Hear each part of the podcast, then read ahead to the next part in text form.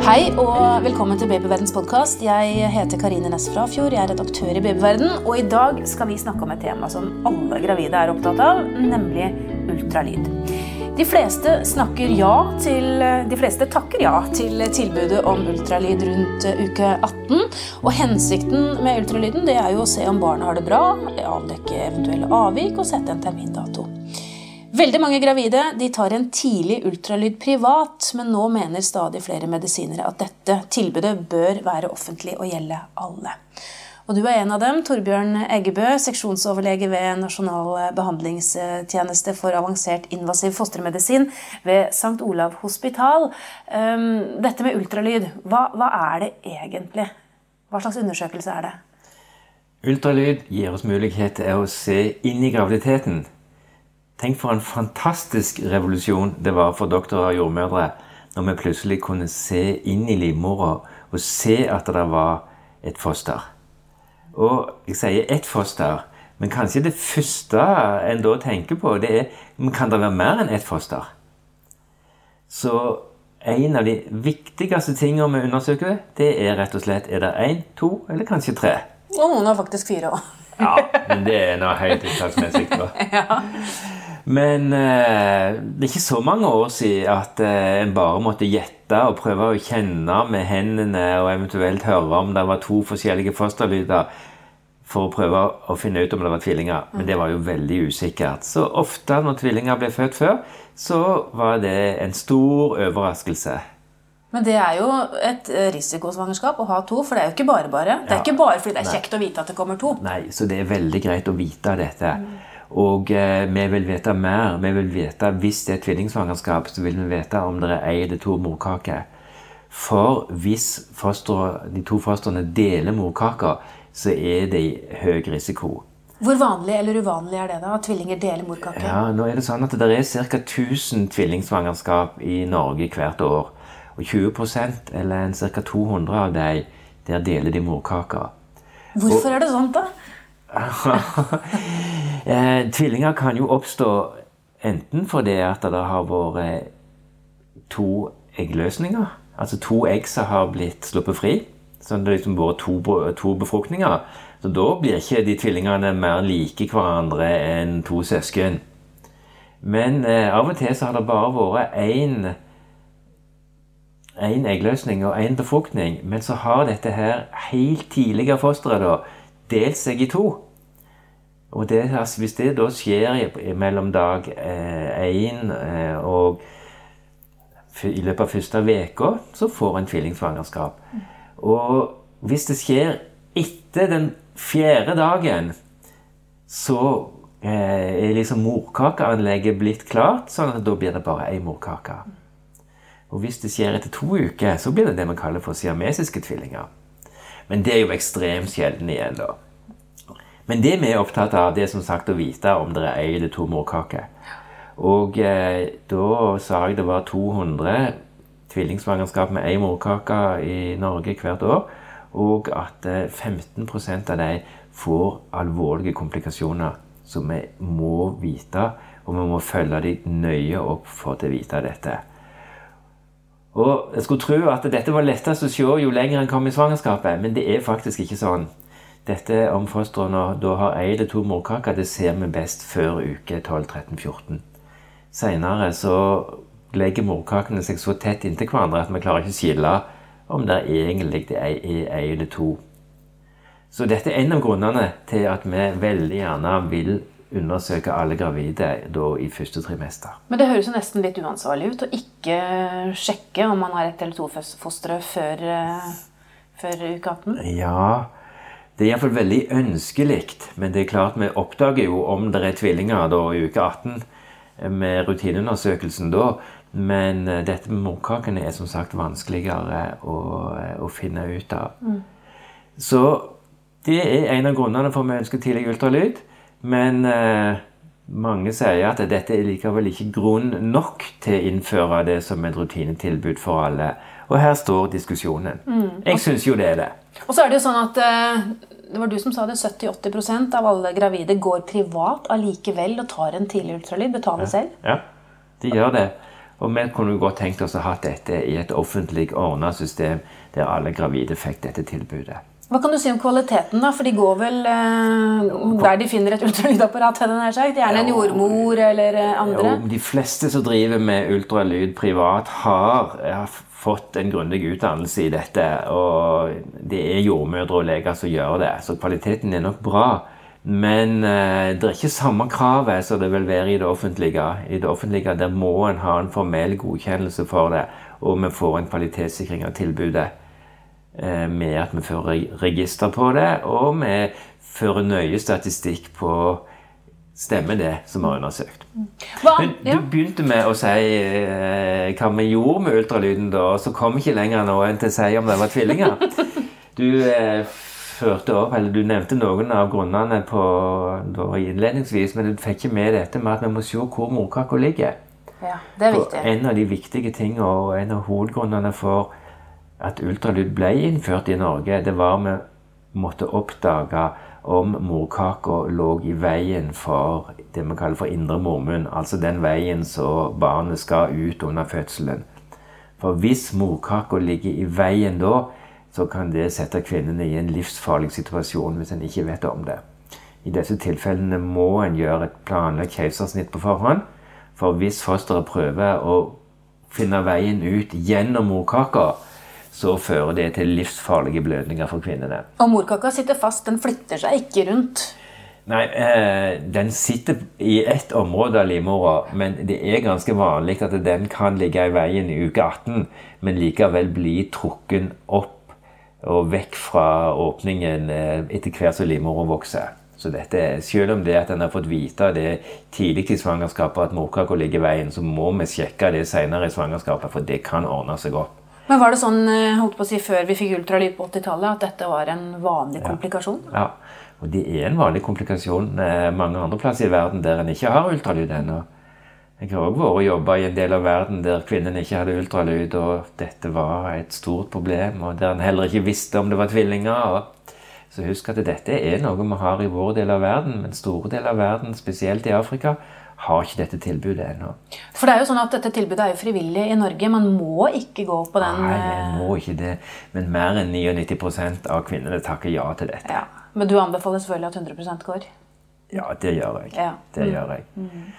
Men du sa det, ja, vi skal òg finne termin. Ja, det er viktig å kunne bestemme termin. for det alle, eller vokser nesten likt i starten av svangerskapet så kan vi bestemme termin mer nøyaktig med ultralyd enn å bruke siste menstruasjon. Hvordan gjør dere det, da? Vi måler størrelsen på fosterhodet og på lårbeinet. Og bruker tabeller til å beregne hvor gammelt fosteret er, og når termin vil bli. Mm. Og så er det bare 4% eller 5% som fødes på termin likevel? I hvert fall på datoen? Ja, men de aller fleste føder innenfor en periode på pluss-minus 14 dager. Mm. Og vi vet jo ennå ikke hva som starter en fødsel. Men eh, vi vet at det skjer hos de aller fleste som sagt, innen en periode på en måned der. Mm. Og dette er viktig kunnskap. Og igjen òg et av de store problemene i fattige deler av verden. At eh, når gravide kommer inn på en fødeavdeling og så vet de ikke hvor langt de er kommet, så vet en ikke om dette er et barn som har sjanse å overleve. Men vet ikke om det er overtid, om en skal sette fødselen i gang. Dette med å vite termin, eller vite alderen på, eh, på fosteret når der, eh, riene starter, det er en av de viktigste opplysningene en har om svangerskapet. Vi skal snakke mer om hva som undersøkes på babyen i magen i en ultralydundersøkelse, men vi tar en liten pause. Jeg vil snakke altså om dette med ultralyd. Hvorfor det er viktig å eh, få dette bildet inn i magen på fosteret, som du sa, Torbjørn Eggebø. Um, og dere undersøker jo nå så å si alle gravide rundt uke 18. Eh, først og fremst for å sjekke morkaka, hvor den ligger. Dernest for å få en termindato. Men så går dere jo grundig gjennom hele barnet også? Ja, vi undersøker alle organene nøye nå.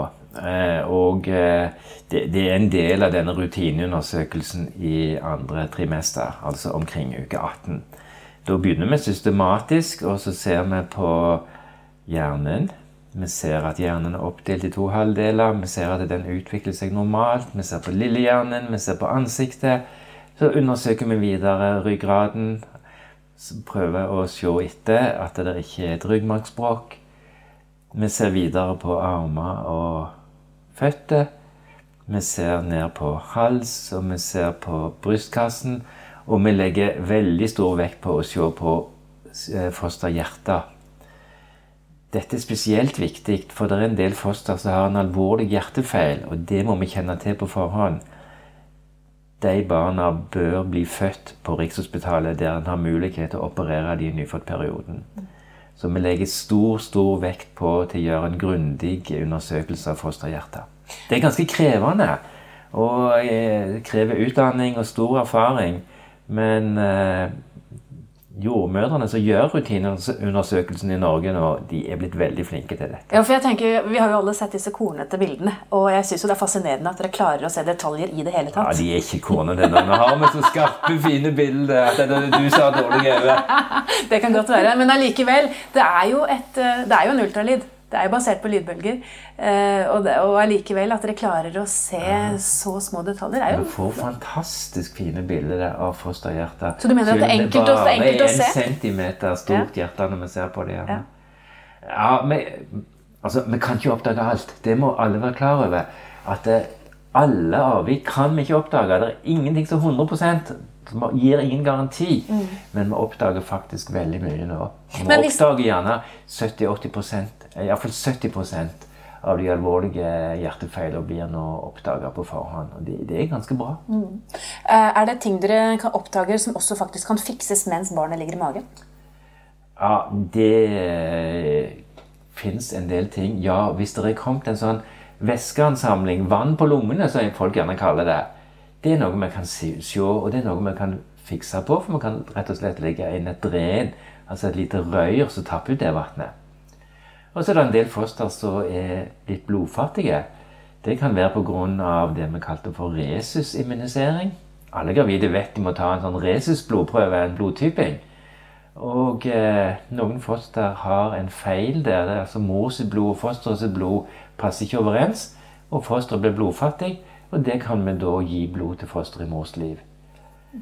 Og det er en del som kanskje kommer i framtida. Det er nå snakk om at en kan begynne å operere for ryggmargsbrokk i mor sitt liv. Det er ikke noe som er gjort i Norge, men det er noen senter i Europa og USA som har begynt å gjøre det. De blir ikke friske, men de blir bedre etter en sånn operasjon. Så det er mye som skjer. Det er jo kjempespennende. Det var kommet til hjertet, men jeg kan ikke få nevnt at det kan være feil i eh, magen, det kan være en stopp i tarmene, det kan være en åpning i bukveggen. Faktisk en ganske vanlig fosteravvik er at tarmene har kommet gjennom et hull og ut og ligger fritt ute i fostervannet. Og Det er et sånt avvik som antallet øker på. Eh, og det er en ting som kan fikses ganske greit etterpå. Men selvfølgelig viktig at de ungene blir født på en plass der er en barnekirurg som kan ordne det etterpå. Mm. Og det kan være feil i nyre og urinveier. Så alle organ kan det være en feil i. Fra det mest bagatellmessige til de helt alvorlige tingene. De fleste kvinner ønsker å få vite om sånne ting på forhånd. De ønsker å være forberedt. De ønsker å vite om det er en liten ting eller det er en alvorlig dødelig ting. Og hvis det er en alvorlig dødelig ting, så er det jo en del som søker om avbrudd av svangerskapet.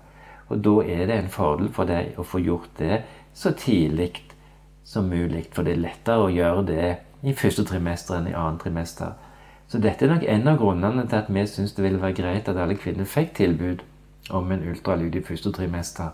Sånn at en skal vite mest mulig så tidlig som mulig. Men kunne man ha sett alle de tingene du nå har snakket om, så tidlig som i uke 12? Nei, en ser ikke så godt som i uke 18. Men ultralydundersøkelsene er blitt så gode nå at en ser veldig mye allerede i uke 12. Mm.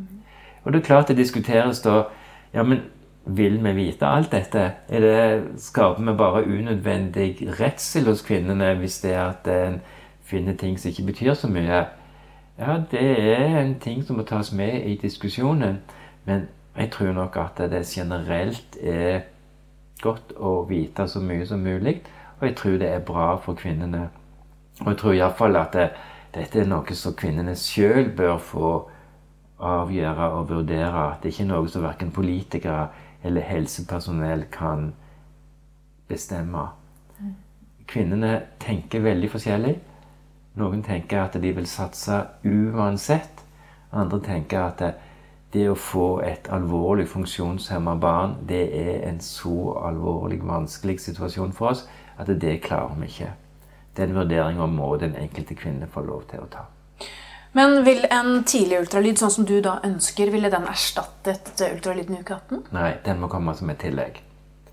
Og det er fordi at fosteret er blitt større i uke 18, og vi ser bedre. Kvaliteten på organundersøkelsen er bedre i uke 18 enn i uke 13. Men ganske mye kan vi oppdage allerede i uke 12-13 nå. Um, I og med at så mange gravide kvinner allerede tar denne ultralyden tidlig på eget initiativ og betaler det selv eh, privat, tror du, tror du det offentlige vil gå inn og endre praksis? Det er et nesten umulig spørsmål å svare på, for dette har vært diskutert i 15-20 år nå. Eh, og så lenge har politikerne sagt at de ikke ønsker en tidlig ultralyd i Norge. Og hovedgrunnen til det er frykten for at en skal oppdage alle som har et eller annet avvik, og gjerne avbryte for mange. Og Spesielt har det vært mye fokus på Downs syndrom i Norge. Og Det er jo en vanskelig problemstilling. Det er ikke noe ønskelig at alle med Downs syndrom skal avbryte svangerskapet. Men igjen er det nok en vurdering som kanskje kvinnene sjøl må ta og ikke politikerne skal ta. Men denne frykten for at en skal oppdage alle med Downs syndrom, og såkalt den redd for å sortere dem ut av samfunnet, det har jo ført til at det har vært politisk stor motvilje mot å innføre dette som en rutine. Mm.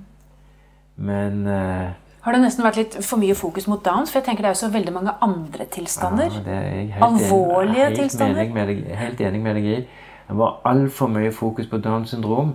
Men det er bare én av veldig mange tilstander som en kan, et foster kan feile. For vi vet jo at det finnes uh, tilstander hvor fosteret ikke er levedyktig. Ja. Uh, og hvis man oppdager det i uke 12 i stedet for i uke 18 Ja, Det var en kjempefordel å oppdage det tidlig mye mindre belastende for kvinnene å få vite det i uke tolv og få mulighet til å gjøre et svangerskapsavbrudd da. Mm. Men jeg må understreke at dette er vanskelige problemstillinger. Men igjen kommer jeg tilbake til jeg tror kvinnene skal ha det avgjørende ordet sjøl. Jeg tror du spurte nå om, du tror dette, om jeg tror dette kommer til å endre seg. Jeg vet ikke. Noen politiske partier signaliserer at de ønsker å endre det, og ønsker at det skal bli et offentlig tilbud med det første trimester ultralyd. Men andre partier sier helt klart nei til det. Og sånn som situasjonen er akkurat nå, i 2019, så har den nye regjeringsplattformen sagt at eh, de partiene som er i regjering nå, skal ha vetorett for spørsmål som gjelder bioteknologi. Så sannsynligvis så skjer det ikke noe de neste to åra. Mm. Men kanskje neste valgkamp. Vi får se. For det er jo et politisk spørsmål, det er et etisk spørsmål, og så er det et medisinsk spørsmål. Eh, men medisinerne, da, som deg, er dere enige, stort sett? De fostermedisinske miljøer er ganske enige om dette, ja. Vi tror at kunnskap om graviditetene er av det gode. Og da er det vår kunst å informere de gravide om alt det vi finner. Men eh, vi skal ikke bestemme. Mm. Avgjørelsen må de gravide ta sjøl. Men la meg nå få understreke at de fleste gravide er friske. De fleste har friske foster. 95% har friske foster. 3-5% feiler et eller annet fra det mest bagatellmessige til de alvorlige tingene. Så jeg ønsker ikke å skremme kvinner mer enn nødvendig. Men vil du allikevel anbefale at de fleste, de som kan, har mulighet, har råd, tar en tidlig ultralyd på eget initiativ? Eh, det må igjen kvinnene bestemme sjøl. Eh, jeg ønsker jo som sagt å ha dette i organisert offentlig tilbud. Men selvfølgelig, ønsker man å gå privat og ta en ultralyd, så er nok det det gode. Hvis den som undersøker da får mistanke om noe galt, så gir det indikasjon for ekstraundersøkelse i det offentlige. Så ja, ultralyd er et fantastisk diagnostisk hjelpemiddel. Så langt vi vet, så er det ufarlig for kvinnene, ufarlig for fostrene, og eh, det er ikke smertefullt for kvinnene. Tenk å ha en sånn undersøkelse så, så langt vi vet er risikofri og ikke smertefull. Et utrolig flott diagnostisk hjelpemiddel. Men vi skal likevel ikke bruke ultralyd mer enn nødvendig. For det jeg sier, vi tror ikke det er farlig, men vi kan aldri være 100% sikre. Så derfor skal en ikke gjøre ultralyd bare for at det er kjekt. Det skal være en medisinsk grunn for det. Det vil jeg understreke. Flott. Takk skal du ha, Torbjørn Eggebø, seksjonsoverlege ved Nasjonal behandlingstjeneste for avansert invasiv fostermedisin ved St. Olavs hospital. Hvis du lurer på mer om dette temaet, finner du mange artikler på babyverden.no og diskusjoner med andre i Babyverdens forum. Hvis du ikke allerede har lastet ned appen vår, Gravid og barn, så anbefaler jeg deg å gjøre det med en gang, så kan du følge utviklingen til barnet ditt dag for dag og uke for uke. Siden du er opptatt av graviditet og barn, kan det også være lurt å abonnere på Babyverdens podkast, så får du nye episoder automatisk hver uke. Det er også vi som lager podkastserien Gravid uke for uke. Den bør du også få med deg hvis du har barn i magen. Har du kommentarer eller et tema du ønsker at vi skal belyse, så kan du sende en e-post til podkast at babyverden.no. Men husk at vi som lager denne podkasten er journalister og ikke helsepersonell. Så hvis du har medisinske spørsmål, må du ta kontakt med jordmor eller fastlegen din. Ha det godt til vi høres igjen.